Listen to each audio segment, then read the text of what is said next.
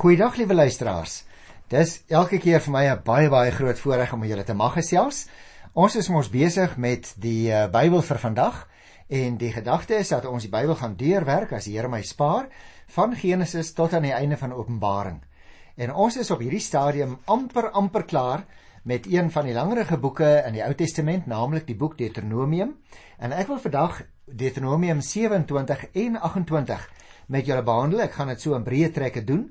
Vir mense wat miskien vir die eerste keer inskakel, wil ek net sê ons kan die boek Deuteronomium indeel in vier groot dele.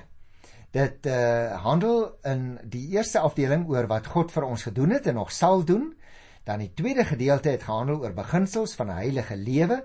Die derde groot gedeelte is dan die nuwe lewe. En ons is nou amper daarmee klaar. Dit strek van hoofstuk 27, die eerste vers, tot aan die einde van hoofstuk 30, vers 20. So ons is nou amper aan die einde van die derde groot afdeling en ek gaan dadelik begin. Ter inleiding wil ek net enkele opmerkings maak oor uh, hoofstuk 22 want jy sien dit is eintlik deel van die slottoespraak van Moses en dit herinner aan die verbond. Dit bevat ook seënings en vervloekings en dit vertel van 'n verbondsvernuwing daar by die berge Gerizim en Ebal. Ons gaan dit nou nou lees. En daarom kan 'n mens dit eintlik indeel in kleiner afdelings as jy wil, maar ek gaan nou nie daarby stil staan nie. Ek wil miskien net sê dat uh die 27ste hoofstuk kan 'n mens veral in 3 dele indeel. Naamlik die uh, bevel om 'n gedenkteken op te rig in die eerste 8 verse en dan vers 9 en 10 is die bevestiging van die verbond deur gehoorsaamheid.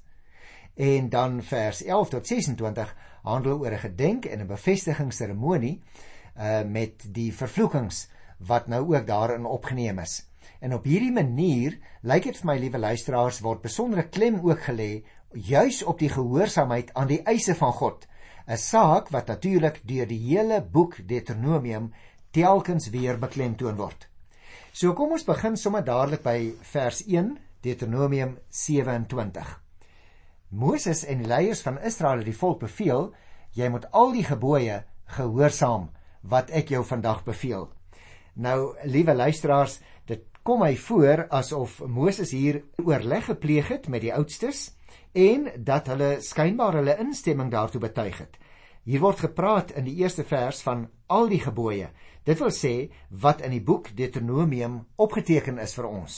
Nou op daardie stadium moet ons onthou was alles nog nie noodwendig opgeteken nie, want toe ek die inleiding op Deuteronomium behandel het, sal julle onthou, het ek verduidelik dat die finale afronding van die boek eers heelwat later plaasgevind het. Kom ons lees vers 2 tot 4. Wanneer jy deur die Jordaanrivier trek op pad na die land toe waar die Here jou God jou gee, moet jy groot klippe opstapel en hulle met wit kalk afwit. Wanneer jy deurtrek om die land in te gaan, die land wat die Here jou God aan jou sal gee, die land wat oorloop van melk en honing soos die Here jou God aan jou voorvaders beloof het, moet jy al die woorde van hierdie wet op die klippe skrywe. Nadat jy deur die Jordaan getrek het, moet jy die klippe waaroor ek nou net opdragte gegee het, op ewel opstapel en moet jy hulle met kalk afwit. Nou dis my baie interessant dat uh, dit hier so presies vir hulle gesê word wat hulle vooruit erns in toekoms sal moet gaan doen. Want jy sien luisteraar, met kalk bestryk om daarin te kan skryf skynbaar. Nou die gebruik het natuurlik veral in Egipte voorgekom. Dit was heelwat minder duursaam natuurlik as buitelwerk wat meer permanent was, maar aan die ander kant was dit juis daarvan simbolies dat Israel hom voorneem om in Kanaan te lewe volgens die wet. En daarom was dit tog nodig om dit neer te skryf. Dit moet dus op die berg Ebal plaasvind. So lees ons hier. Nou weet ek nie of jy bewus is daarvan nie, maar uh, dit is natuurlik die berg wat eintlik baie bekend is ook vir vloekuitsprake. Ons gaan nog van die 13de vers af so bietjie daar uh, oor met mekaar gesels. Maar ook wanneer ons by Hoofstuk 31 kom, dan sal jy sien dat die vloek van die wet meer na vore sal tree as die seën. In elk geval in die omvang van die beskrywing daarvan. Kom ons lees vers 5 tot 8. Daar moet jy dan 'n klippilaar bou vir die Here jou God. Jy mag die klip nie kap nie. Jy moet die altaar vir die Here jou God bou van onbewerkte klip en daarom moet jy jou brandoffers aan die Here jou God offer jy moet jou maaltydoffers offer en dit daar eet en bly wees in die teenwoordigheid van die Here jou God. Jy moet hierdie hele wet duidelik leesbaar skryf op die klippe wat jy gaan opstapel. Dis my interessant dat hier pertinent genoem word op dieselfde berg moet hulle altaar bou en daar moet dan brandoffers gebring word. Nou jy sal nog onthou toe ons dit behandel het vroeër, dit was natuurlik sinnebeeldig van hoe Israel hom geheel en al aan die Here toewy. Vroeër jare het, het ons ook 'n liedjie gesing, ek weet nie of jy dit ken nie, my al is op die altaar. Nou dit is natuurlik nou die bedoeling daarvan. Maar hulle moet ook het ons nou gelees dankoffers aan die Here bring. Dit is as dit ware in gemeenskapsmaal met die Here, want hulle gaan per slot van sake aan die hand van die Here die beloofde land intrek uiteindelik. Dan wil ek graag vers 9 en 10 onderstreep. En jy sal sien in die Afrikaanse teks is daar 'n nuwe opskrifie by Gerisimberg en Ebalberg. Nou dit is uh berge wat 'n klein vallei tussenin het en wat eintlik baie belangrik is. In die Nuwe Testament uit Johannes 4 sal jy die put van Sigar onthou. En dit is 'n baie ou uh, put wat daar gegrawe is vroeër in die geskiedenis al deur ou vader Jakob, né? En as ons nou gedagte hou Jakob het geleef hier so rondom 1650 voor Christus. Nou op hierdie stadium kry hulle nou 'n uh, eh, opdrag dat hulle daarso die wet as dit ware met die Here moet hernie. Nou luister nou as ek vers 9 en 10 lees. Moses en die Levitiese priesters het vir die hele Israel gesê: "Bly stil en luister Israel, vandag het jy die volk van die Here jou God geword. Jy moet na die Here jou God luister en jy moet lewe volgens die gebooie en die voorskrifte wat ek jou vandag beveel." Baie interessant dat Moses hier praat in die 10de vers veral van ek, met ander woorde die eerste persoon enkelvoud, maar hy praat ook terselfdertyd namens die priesters en die leviete wat by hom is. Daar staan ook hulle moet stil wees. Hoekom sou dit nou gebeur? Natuurlik uit eerbied vir die Here. Hulle moet luister na die voorskrifte wat die Here vir hulle gee. Hulle moet dit in hulle harte bære en hulle moet stil raak daaroor. Hulle moet dit oordink. Vir my baie interessant aan die 10de vers ra maak nou eintlik die gevolgtrekking uit van die hele vooraf gebeure, naamlik die feit dat Israel die volk van die Here is. Nou kan ek my voorstel, liewe luisteraar, hoe hierdie duisende mense hulle koppe daar sit en hulle knik instemmend. Hulle skud hulle koppe op en af. Hulle onderneem plegtig voor die Here om dit wat hy vir hulle sê by monde van Moses te doen, ook in die toekoms wanneer hulle uiteindelik sal aankom in die beloofde land. Dis nakies, ek dink ons moet weer eens onthou, ek wil dit net onderstreep, die meeste van hulle het natuurlik nog nooit eens Berg Ebal gesien nie. Maar Moses sê nou vir hulle presies wat hulle moet gaan doen wanneer hulle eendag die beloofde land ingetrek het en wanneer hulle dan daar in die vallei is tussen die twee berge Gerizim en Ebal. Terwyl hy eintlik self dit natuurlik nooit sou kon beleef nie want Moses het ook gesterwe voordat hulle die beloofde land kon intrek.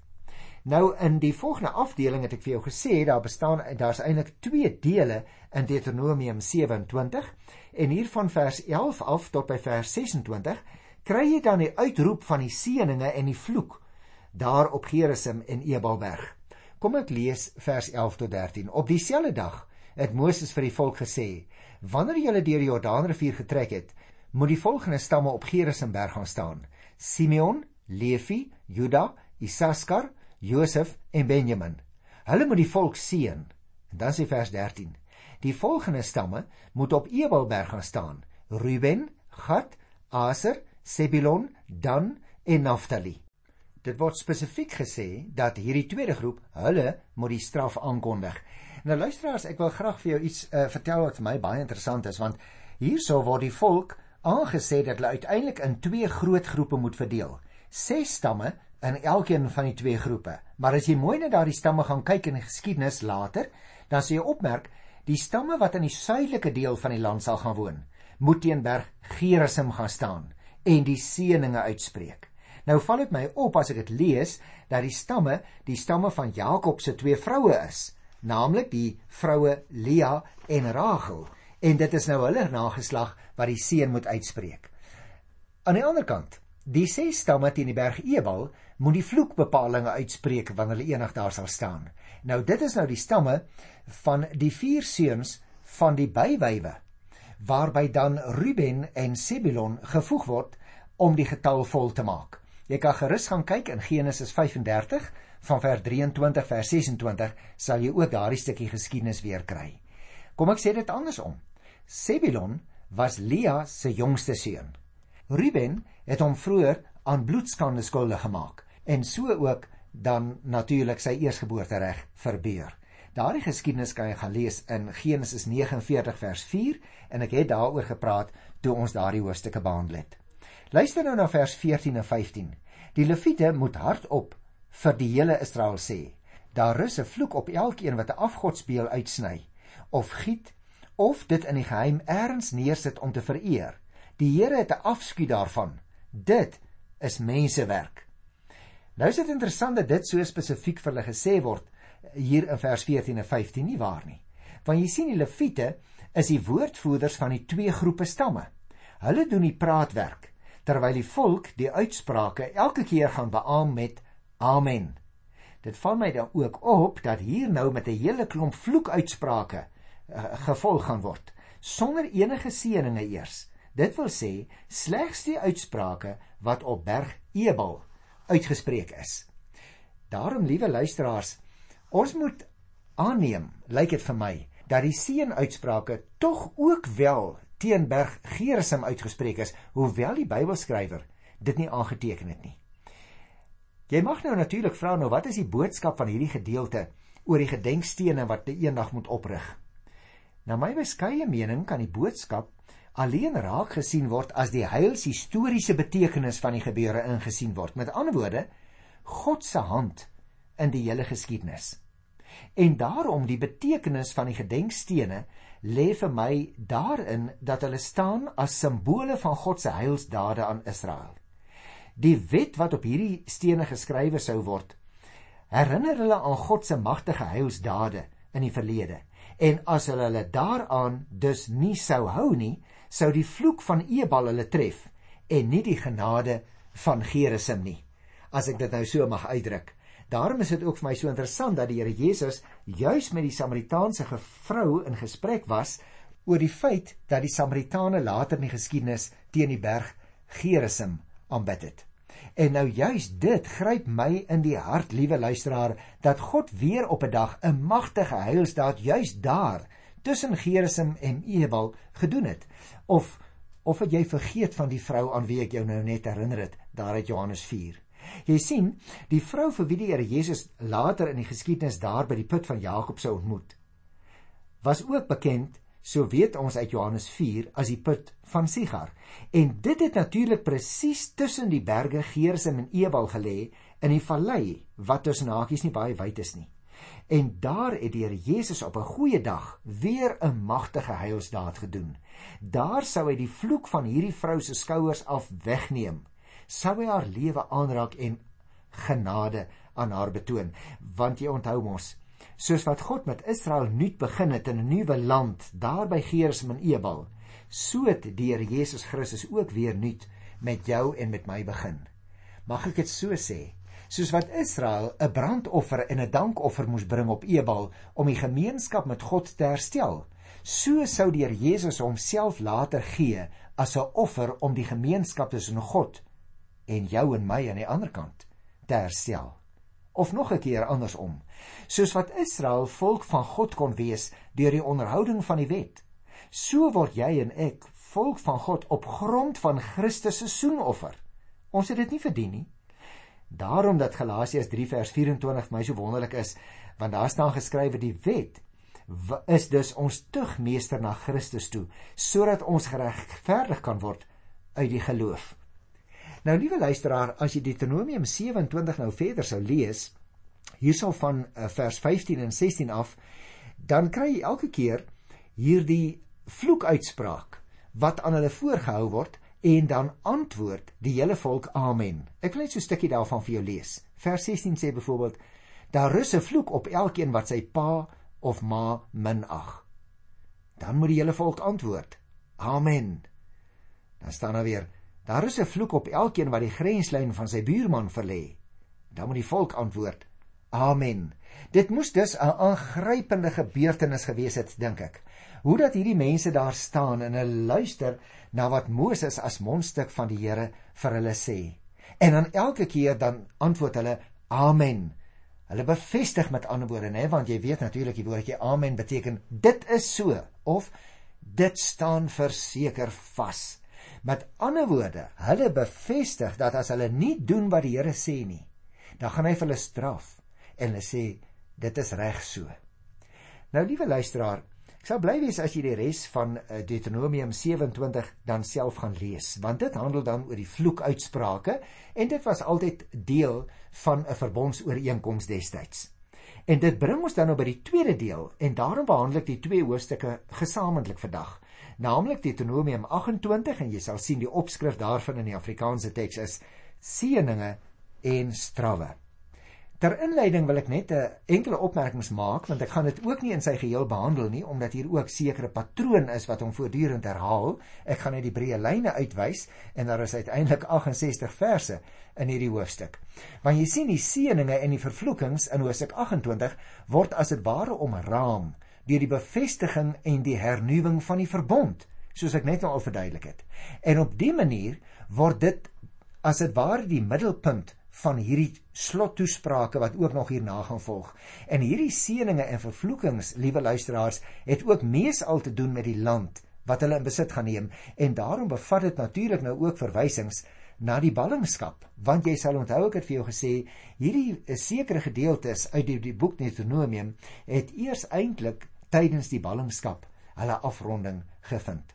Nou goed, kom ek lees dan hier in Deuteronomium 28 die eerste 4 verse. As jy goed luister na die Here jou God en jy gehoorsaam al sy gebooie wat ek jou vandag gee en jy lewe daarvolgens, sal die Here jou God jou oor al die nasies van die aarde stel. As jy luister na die Here jou God, sal al hierdie seëninge oor jou kom en jou lewe verryk. Jy sal geseën wees in die stad. Jy sal geseën wees in die oop veld.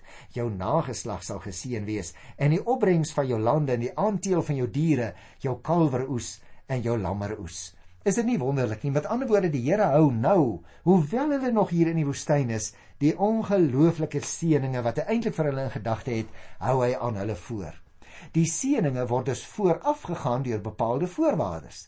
Israel, so sê die eerste vers, moet goed luister na die Here, al sy gebooie wat op daardie dag aan hulle gegee word, hulle moet dit staan daar gehoorsaam en daarvolgens lewe. Dan sal die Here hulle oor al die nasies van die aarde stel. En die tweede vers het dit onderstreep. daarmee saam sal seëninge oor hulle kom wat hulle lewe sal verryk. Jy sien hulle sal aan lewensinhoud ook baie verryk word. Nie net oor dinge wat hulle gaan kry en die oeste wat hulle van die lande gaan afhaal nie. Die derde vers het juis weer 'n ander aspek onderstreep, naamlik elke sweer van hulle lewe sal daardeur geraak word. Hulle sal geseën word in die stad en in die oop veld.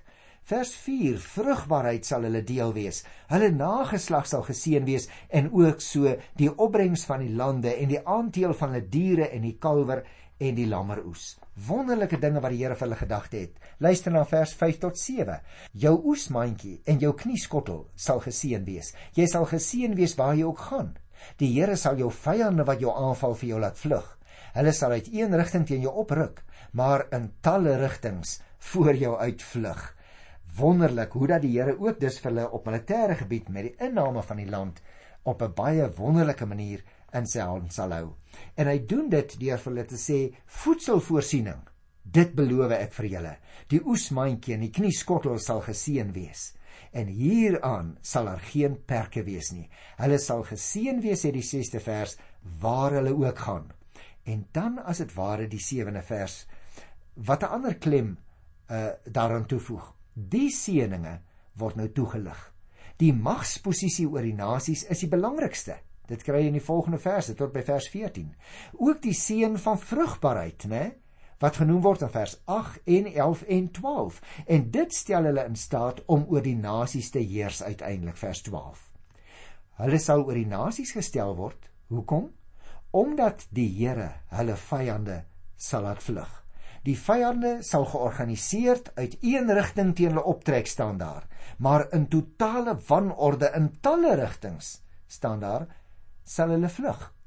En jy kan gerus weer gaan terugblaai na die 7de hoofstuk vers 17 tot 24, daar het ons ook al iets daarvan gehoor.